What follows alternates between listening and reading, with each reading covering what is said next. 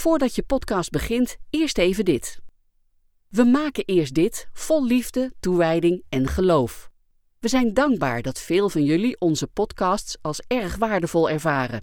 Maar om producten als Eerst dit, Dit is de Bijbel, het avondgebed en moderne profeten te kunnen blijven maken, zijn we helemaal afhankelijk van jouw gift. In deze collecteweek vragen we je daarom om een financiële bijdrage. Ga naar het berichtencentrum van de Eerst Dit app of naar izb.nl en doneer daar snel, gemakkelijk en veilig via een tikkie. Heel hartelijk dank alvast. Eerst dit, de Bijbelpodcast van de Evangelische Omroep IZB en NPO Radio 5, die je elke werkdag helpt ontdekken wat Jezus volgen voor jou betekent. Vandaag door Jeannette Westerkamp.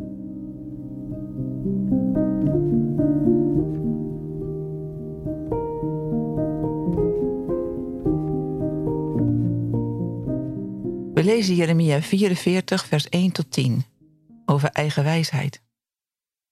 De Heer richtte zich bij monden van Jeremia tot de Judeërs die in Egypte waren gaan wonen, in Migdol, Daphne, Memphis en Patros. Dit zegt de Heer van de hemelse machten, de God van Israël. Jullie hebben het onheil gezien waarmee ik Jeruzalem en de andere steden van Judea getroffen heb. Ze liggen nu in puin, er woont niemand meer. Dat komt door het kwaad dat jullie hebben gedaan. Jullie hebben mij gekrenkt door wierook te branden, ter ere van andere goden, die jullie en je voorouders nooit hebben gekend. Ik zond telkens weer mijn dienaren, de profeten, naar jullie en liet hen zeggen: Staak deze gruwelijke praktijken, ik verafschuw ze. Maar jullie luisterden niet en weigerden mij gehoor te geven. Jullie staakten die kwalijke praktijken niet en bleven wierook branden voor andere goden. Toen stortte ik mijn grote woede uit en liet die ontbranden over de steden van Juda en de straten van Jeruzalem. Ze vielen in puin en werden zo de woestenij die ze nu zijn. Nu dan, dit zegt de Heer, de God van de hemelse machten, de God van Israël. Waarom roepen jullie zulk groot onheil over je af? Door alle mannen, vrouwen, kinderen en zuigelingen van Juda ten onder te laten gaan, zodat er niets van jullie overblijft. Waarom tergen jullie mij met wat je zelf gemaakt hebt?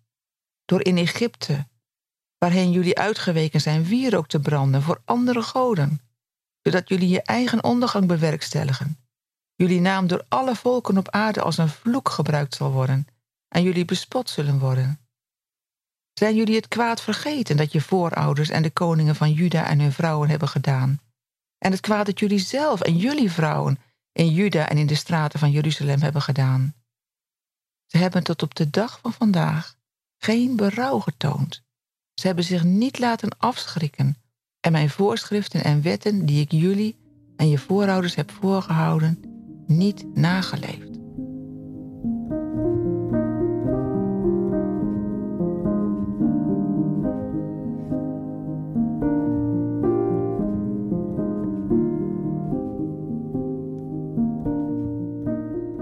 Leren we zo traag van onze fouten en die van anderen? Wie de geschiedenis niet kent, is gedoemd haar te herhalen. En dat begint bij onze eigen geschiedenis. Hebben jullie dat nou ook, dat je van tijd tot tijd denkt, nou doe ik het weer. Dezelfde stommiteit. Iets beloven dat ik niet waar kan maken, bijvoorbeeld.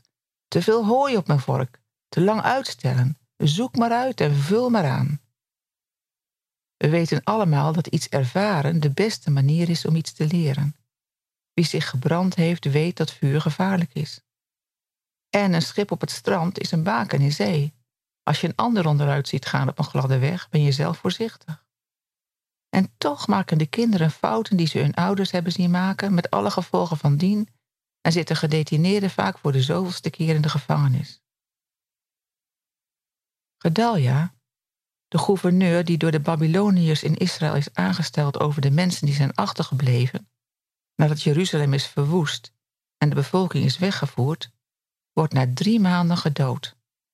Door eigen mensen die die volkomen vertrouwden. De moordenaars worden ook gedood, maar de Judese soldaten vrezen sancties van Babylon. De soldaten vragen aan Jeremia Gods raad.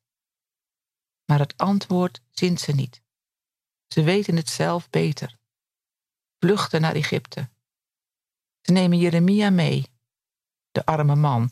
Hij was voortdurend onder barre omstandigheden opgesloten door zijn volksgenoten, maar om zijn profetieën was hij door de Babyloniërs vrijgelaten. Hij wilde in Israël blijven.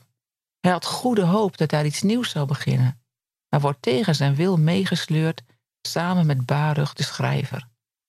Waarom? Wilden ze iets van God meenemen? Naar Egypte, een van de aardsvijanden van Israël, al was het nu een lotgenoot, overroeld door Babylonië.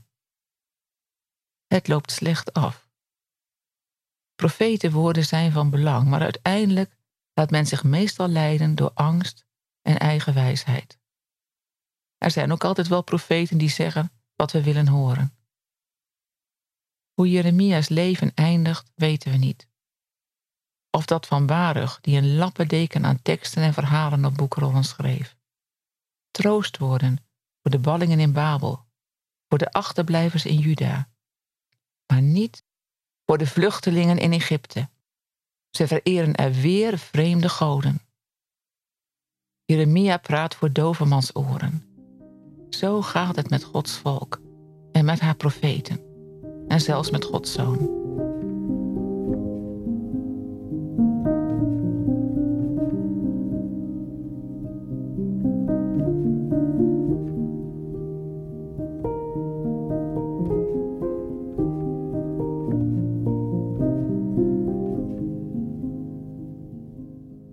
Zie jij in onze cultuur of misschien in je eigen leven een voorbeeld van iets waar het telkens weer misgaat, tegen Gods wil, terwijl we lijken er niets van te leren?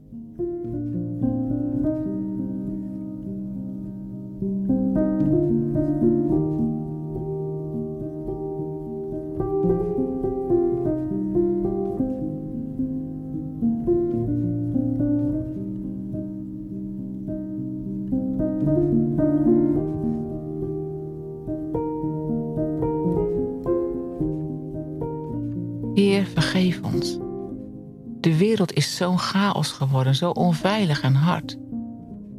Er is zoveel wat we niet kunnen overzien, maar er is ook veel waarin u ons duidelijk de weg wijst.